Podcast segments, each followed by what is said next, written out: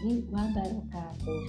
Halo sahabat data di mana pun berada, berjumpa dengan saya Anis Setiarini dalam podcast Kicau Kenari yang dalam kesempatan ini akan mengupas tentang suka duka ngumpulin data survei industri. Sebelumnya, saya mau memperkenalkan diri dulu nih, karena ini kali pertama saya menyapa pendengar Kicau Kenari.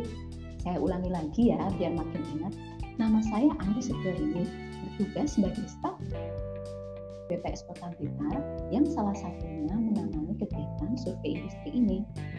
Kalau saya boleh kasih pengantar ya sahabat data, target responden dari survei industri ini adalah perusahaan yang bergerak di bidang industri pengolahan yang mempekerjakan paling sedikit 20 orang tenaga kerja dan memiliki nilai investasi lebih dari 15 miliar rupiah.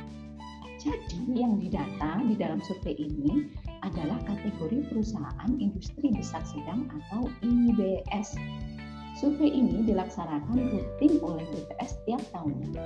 Dimulai dengan pengumpulan direktori atau daftar perusahaan awal yang dilanjutkan dengan pencacahan lengkap atau complete enumeration di tiap perusahaan industri manufaktur yang masih aktif berproduksi.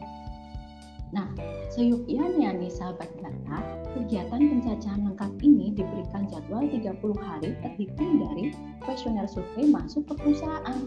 Namun demikian, kenyataan di lapangan tidak semudah itu, Ferguson. Saya kadang suka ketawa sedih nih kalau ngomongin survei industri. Di lapangan ternyata banyak sekali kendala yang menyebabkan pemasukan dari survei industri sangat lambat di beberapa perusahaan tertentu.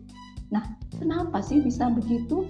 Apa aja faktor-faktor yang menyebabkan survei industri ini secara teknis menjadi sulit? Bersama kita kali ini telah hadir tamu spesial. Beliau adalah fungsional statistisi di BPS Kota Blitar yang sebelumnya adalah koordinator statistik kecamatan di Sukorejo. Beliau ini termasuk yang paling senior di kantor kami loh sahabat data. Jadi sudah makan asam garamnya seluruh kegiatan BPS. Langsung saja nih kita sapa Bapak Muji Harto SE. Selamat siang Pak Muji, apa kabar hari ini? Selamat siang Mbak Nis, Alhamdulillah Mbak, baik-baik. Semoga kita senantiasa selalu diberikan kesehatan. Amin. Langsung aja nih Pak ke topik kita. Bisa share nggak Pak bagaimana sih suka dukanya selama mengumpulkan data survei industri ini? Oke Mbak, kalau saya sih lebih sering menyebut survei industri ini dengan survei IBS atau industri besar sedang. Sebenarnya survei IBS ini kan sudah rutin kita lakukan tiap tahun ya Mbak. Jadi kalau boleh saya sebut, sukanya itu ya karena responden sudah kita ketahui alamatnya, kita nggak perlu nyari-nyari lagi. Pengusahanya pun kita juga sudah kenal, kecuali untuk perusahaan yang manajer atau pengelolanya berubah. Nah, itu baru kita cari tahu lagi.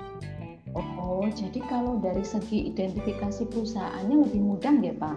Karena sampel berulang dari tahun sebelumnya. Ya jelas Mbak, nggak kayak survei konstruksi yang kita banyak belum tahu posisi perusahaan di mana. Kadang alamat di direktori konstruksi itu nggak sesuai dengan kondisi di lapangan. Belum lagi yang pindah alamat, berubah pemilik karena CV-nya dijual atau beralih ke pemilikan. Tapi kalau survei IBS ini relatif lebih mudah dalam identifikasi karena tiap hmm. tahun kemungkinan bertambah perusahaan itu masih sangat kecil. Tahun ini malah sebenarnya banyak perusahaan di direktori yang sebenarnya sudah harus dikeluarkan karena tidak masuk kategori IBS lagi. Oh, kenapa tuh Pak ya? Bisa diceritain nggak? Uh, gini Mbak, tahun ini kan masih pandemi ya. Uh, dampaknya yeah banyak perusahaan mengurangi jumlah karyawan. Beberapa perusahaan akhirnya berubah klasifikasi industrinya, bukan lagi IBS, melainkan industri kecil. Oh. Ada yang bahkan tenaga kerjanya tinggal enam orang, termasuk pengusahanya. Namun demikian, di tahun ini sesuai instruksi dari BPS RI, perusahaan-perusahaan tersebut tetap didata. Hal ini kemudian menimbulkan tantangan baru di lapangan. Responden jadi mempertanyakan mengapa mereka tetap didata, sedangkan usahanya sudah bukan lagi masuk kriteria IPS. Apalagi kondisi saat ini, banyak perusahaan yang mengalami penurunan pendapatan, bahkan ada yang merugi, sehingga beberapa responden kurang kooperatif, kurang welcome saat didata. Akhirnya, kami harus melakukan pendekatan yang lebih lagi ke responden agar mereka tetap bersedia untuk didata. Wah, wah. Jadi tantangannya semakin besar di era pandemi ini ya, Pak ya? Waduh, jelas sekali, Mbak. Data yang kita kumpulkan kan di antaranya tentang pajak yang dibayarkan dan aset perusahaan. Nah, ini lebih sensitif ditanyakan di masa pandemi ini.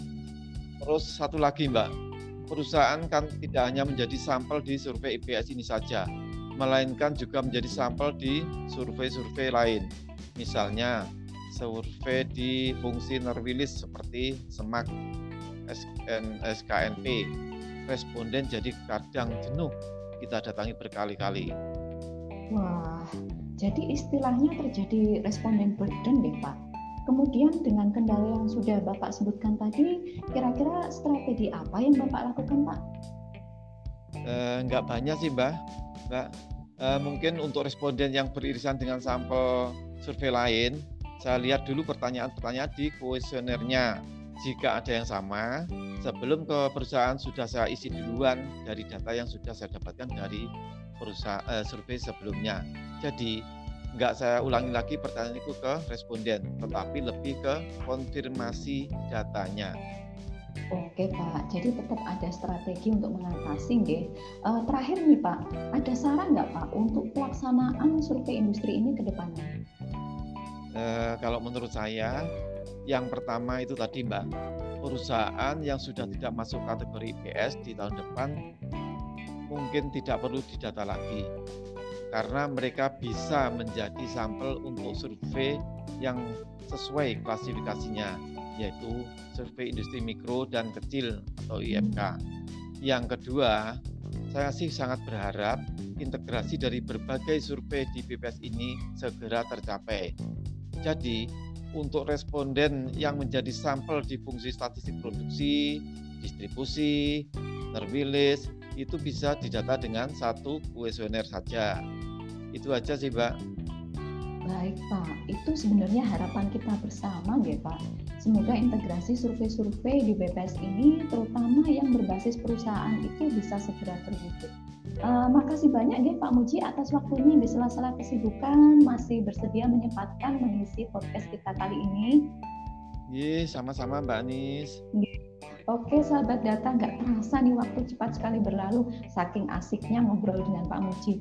Mudah-mudahan podcast kami kali ini semakin membuka cakrawala sahabat data semua tentang kegiatan survei di BPS, khususnya survei industri. Terakhir sebelum saya tutup podcast, saya ingin berpantun nih.